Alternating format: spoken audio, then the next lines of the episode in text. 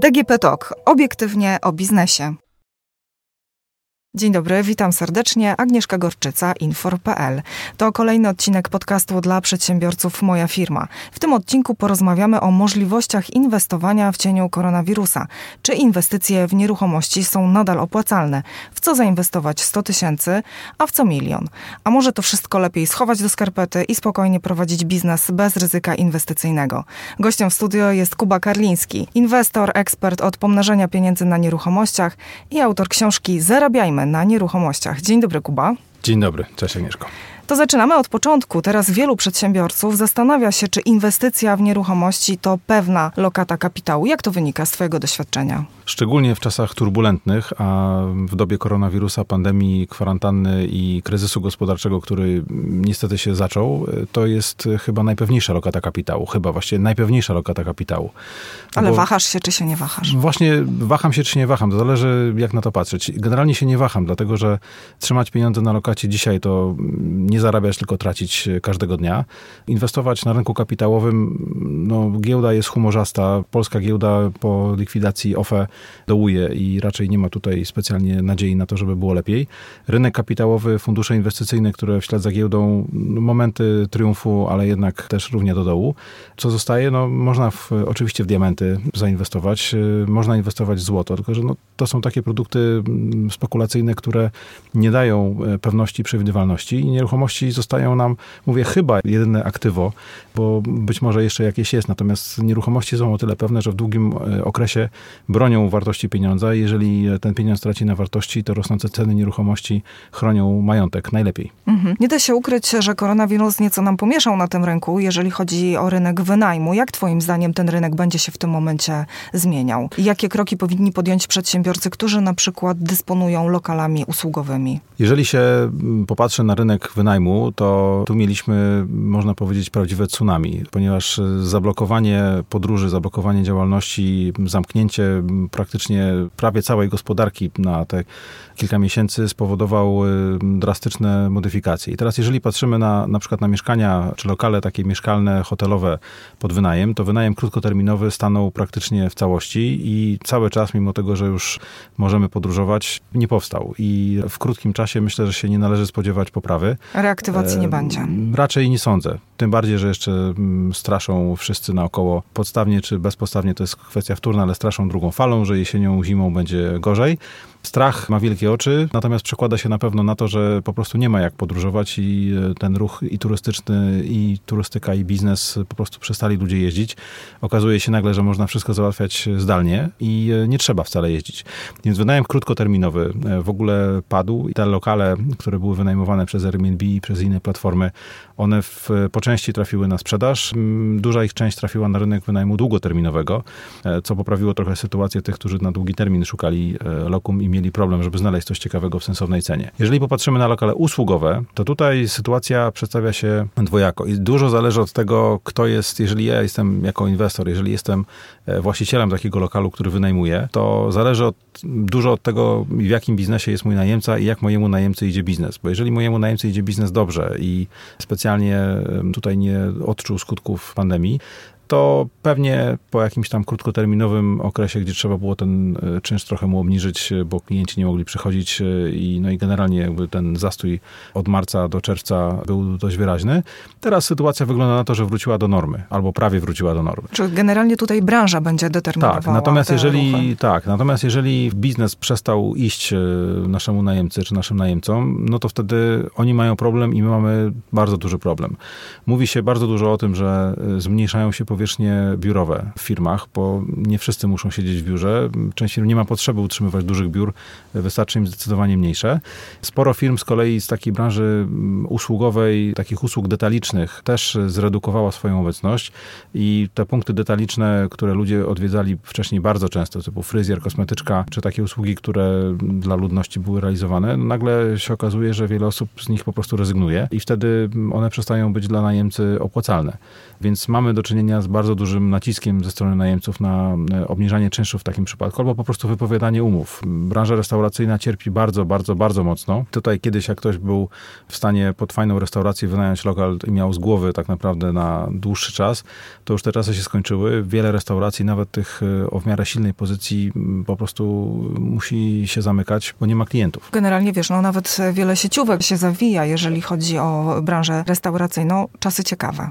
Czasy ciekawe, a w czasach ciekawych, turbulentnych nieruchomości to jest bardzo dobra lokata kapitału i to jest y, świetny sposób na to, żeby zabezpieczyć swój majątek, bo inflacja, która się nam dopiero będzie rozkręcać, będzie zjadała bardzo dużą część tego, co nam się wydaje, że mamy w portfelu czy na rachunku bankowym.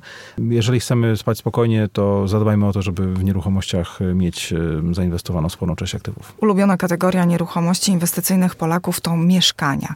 No i teraz Kuba tak. Sprzedawać, nie sprzedawać, kupować, nie kupować, poczekać. Jeżeli jestem właścicielem mieszkania, czy jeżeli y, słuchacze nasi są właścicielami mieszkań, to ja bym nie sprzedawał, chyba że mam potrzeby finansowe albo dobry pomysł na to, co zrobić z tymi pieniędzmi. Bo jeżeli sprzedam mieszkanie dzisiaj, jest, e, skupujący oczekują, że będą tutaj nagle jakieś gigantyczne przeceny i że te ceny będą niższe, co jest według mnie absolutnie nieuzasadnione i ceny poza jakimiś tam pojedynczymi przypadkami ofert wcale nie będą niższe, wręcz będą wyższe. A wyższe będą dlatego, że inflacja, wyższe będą dlatego, że wiele osób chce kupić e, mieszkanie, no bo to jest w miarę płynne aktywo, szczególnie takie nieduże mieszkanie.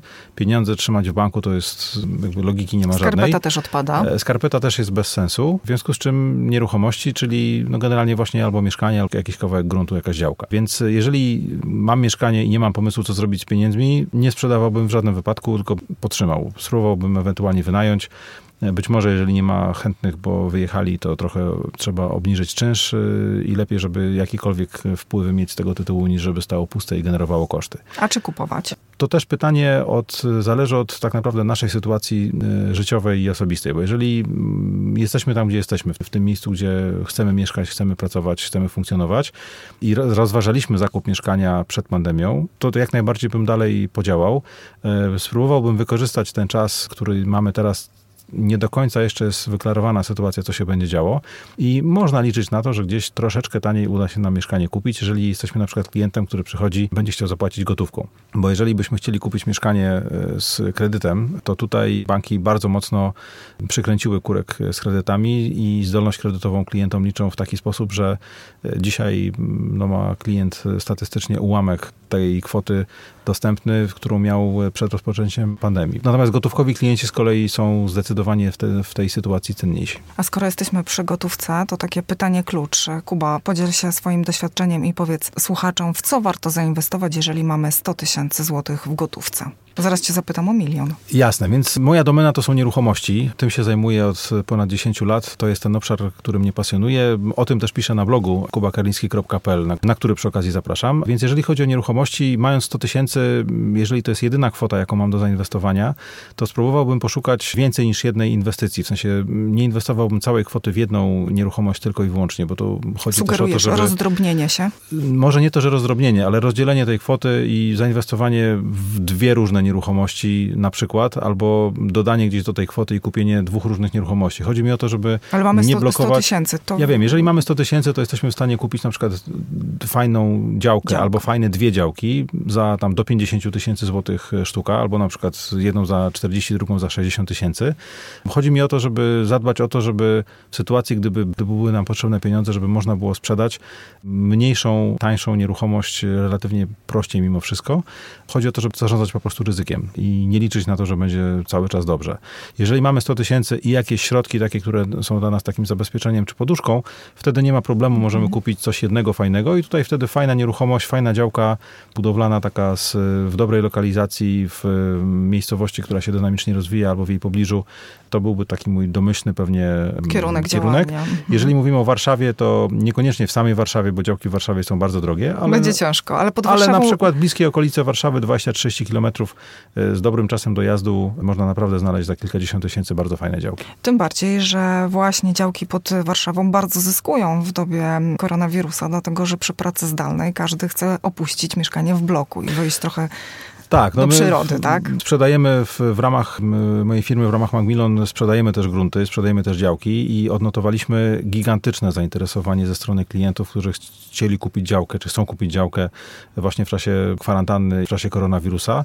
Potrafiliśmy mieć 3-4 razy więcej telefonów w jednym tygodniu w porównaniu do szczytu sezonu w roku ubiegłym. Coś absolutnie niespodziewanego i niesamowitego. Zainteresowanie działkami jest ogromne, no i zainteresowanie też e, domami, czy też segmentami, bliźniakami, takimi większymi metrażami z kawałkiem zielonego ogródka e, na obrzeżach miasta w kontraście do małego mieszkania, w którym się trzeba gnieździć z całą rodziną przez długi czas. To też jest taka kategoria e, nieruchomości, która bardzo zyskała na popularności. No właśnie i tutaj już nam pomoże milion złotych inwestycji. Tak, jeżeli dysponujemy milionem złotych, to też e, chciałbym dwie rzeczy rozróżnić, bo jeżeli mamy ten milion i chcemy kupić jakąś nieruchomość z myślą o inwestycji, to jest troszeczkę inny kierunek niż jeżeli chcemy ten milion przeznaczyć na zakup e, nieruchomości z myślą o własnych celach mieszkaniowych. Bo jeżeli myślimy o tym, żeby na przykład poprawić sobie jakość życia i zamienić małe mieszkanie na coś większego, to tutaj zachęcam do tego, żeby poszukać opcji czy oferty właśnie na przykład segmentu albo jakiegoś domu niedużego z ogródkiem, z kawałkiem przestrzeni na świeżym powietrzu poza miastem, na obrzeżach miasta. Może się wydawać dla tych osób, które mieszkają w mieście, że dojazdy to jest w ogóle coś potwornego i strasznego, natomiast to jest mit, który jest nieprawdziwy. Ja mieszkam sam e, koło Nadarzyna, to jest 25 km od centrum Warszawy. I, e, I nie spóźniłeś się dzisiaj na Po pierwsze się nie spóźniłem, natomiast po drugie do, do Warszawy dojeżdżam szybciej niż na przykład e, ktoś, kto mieszka w Wilanowie. Dlatego, że czas dojazdu po oddaniu dróg ekspresowych akurat z tego kierunku mi się skrócił w ciągu 20-25 minut jestem w centrum Warszawy, a z Wilanowa dojechać w ciągu 40 minut jest naprawdę trudno. Podobnie na przykład gdzieś z Kabat, z Ursynowa, czy z tych odleglejszych dzielnic wewnątrz, wewnątrz miasta. Więc nie wierzmy mitom, sprawdzajmy, testujmy i e, dajmy też po prostu sobie możliwość spróbowania, jakby to było zamiast w mieszkaniu w bloku pomieszkać w jakimś fajnym segmencie, gdzie mamy dwa razy więcej przestrzeni, e, ogródek, świeże powietrze, tak naprawdę za te same pieniądze jak e, mieszkania w Warszawie, które no, bardzo zdrożały, nie ukrywajmy. No właśnie, to to jeżeli chodzi o inwestycje takie... Jeżeli chodzi o własne potrzeby tak, mieszkaniowe. Dokładnie. Natomiast jeżeli... A usługi? Tak, jeżeli mamy milion złotych i byśmy chcieli zainwestować z myślą o inwestycji, to mm, ja oczywiście zachęcam, czy zapraszam do inwestowania w projekty deweloperskie, czy w spółki deweloperskie konkretnie, które między innymi my realizujemy. To jest inwestycja, Na czym to polega? To jest inwestycja pasywna. Realizujemy projekt deweloperski, w który inwestujemy swój własny kapitał, natomiast po to, żeby być w stanie zrobić więcej projektów równolegle, e, zapraszamy jako współinwestorów, również inwestorów e, właśnie pasywnych, którzy obejmują udział w takiej spółce, która jest właścicielem nieruchomości, realizuje projekt. E, umawiamy się na konkretny czas, półtora roku na przykład. Mhm. To są te projekty, które realizujemy teraz. Umawiamy się na półtora roku i umawiamy się na konkretny procent mm, zysku, z którym odkupimy od inwestora udział ten, który ten inwestor obejmuje. Czyli inwestor wchodzi do spółki celowej, obejmuje udział za kwotę X, na przykład właśnie za milion złotych. Po półtora roku odkupujemy ten udział od inwestora za tą kwotę, którą on zapłacił, czyli milion złotych, plus w tym akurat wypadku 8% w skali roku, czyli po półtora roku to jest 12%, czyli dodatkowe 120 tysięcy złotych to jest zysk, który inwestor z tytułu zaangażowania kapitału w taką spółkę uzyskuje. I to jest inwestycja, którą my de facto gwarantujemy w sensie takim, że jeżeli cokolwiek, e, jakiekolwiek ryzyko w projekcie jest bierzemy to po prostu na siebie. Mhm. A jak wygląda sytuacja, jeżeli przedsiębiorca chciałby milion złotych zainwestować mm, w lokal usługowy, na przykład w Warszawie? Czy opłaca się w takim razie e, wejść e, w taką współpracę, o której przed chwilą mówiłeś, czy jednak e, lepiej mieć taki lokal na własność? Każdy ma trochę inną kalkulację i to mhm. trzeba się zastanowić z jednej strony nad kwestią długoterminowej strategii inwestycyjnej, bo z jednej strony niektórzy inwestorzy lubią być właścicielem nieruchomości, mieć pewność, że to jest ich i że to będzie y, wynajęte, będzie dla nich pracowało, będzie przynosiło co miesiąc określone wpływy z y, wynajmu. Y, I to jest taka strategia, która wydaje się, że jest bezpieczna. Projekty deweloperskie kojarzą się z dużym ryzykiem. Z drugiej strony, szczególnie teraz trzeba mieć świadomość tego, że inwestycje w lokale usługowe obarczone są sporym ryzykiem, no bo tu wynajmujemy biznes firmie e, i sporo firm ma kłopot z tym, żeby po prostu wynajmować e, swoje lokale, no bo brakuje najemców. Najemcom idzie bardzo kiepsko biznes, więc jeżeli e, mamy najemcę, który jest pewny, sprawdzony, Przykładowo branża spożywcza to jest taka branża, która czy będzie kryzys, czy nie będzie kryzysu, ludzie coś muszą jeść, więc będą jedzenie kupowali. I jeżeli mamy taki lokal, który mamy wynajęty pod pewnego najemcę sieciowego z branży spożywczej, no to w miarę spokojnie możemy się oprzeć, że temu, że jeżeli jest zobowiązanie umowne y, na dłuższy czas, że się będzie wywiązywał z tego, będzie płacił ten czynsz. Natomiast trzeba się liczyć z tym, że jeżeli to nie jest najemca sieciowy e, i działa w takiej branży, która jest obarczona większym ryzykiem, typu na przykład właśnie restauracja, o której mówiliśmy chwilę temu, to jest ryzyko, że w pewnym momencie najemca przyjdzie i powie, przykro mi rozwiązuje umowę, bo mi biznes nie idzie y, i wychodzę z lokalu. Bardzo często zdarza się to po kilku miesiącach, kiedy czynszu nie zapłacił. Więc już jesteśmy Więc w plecy. już jesteśmy w plecy.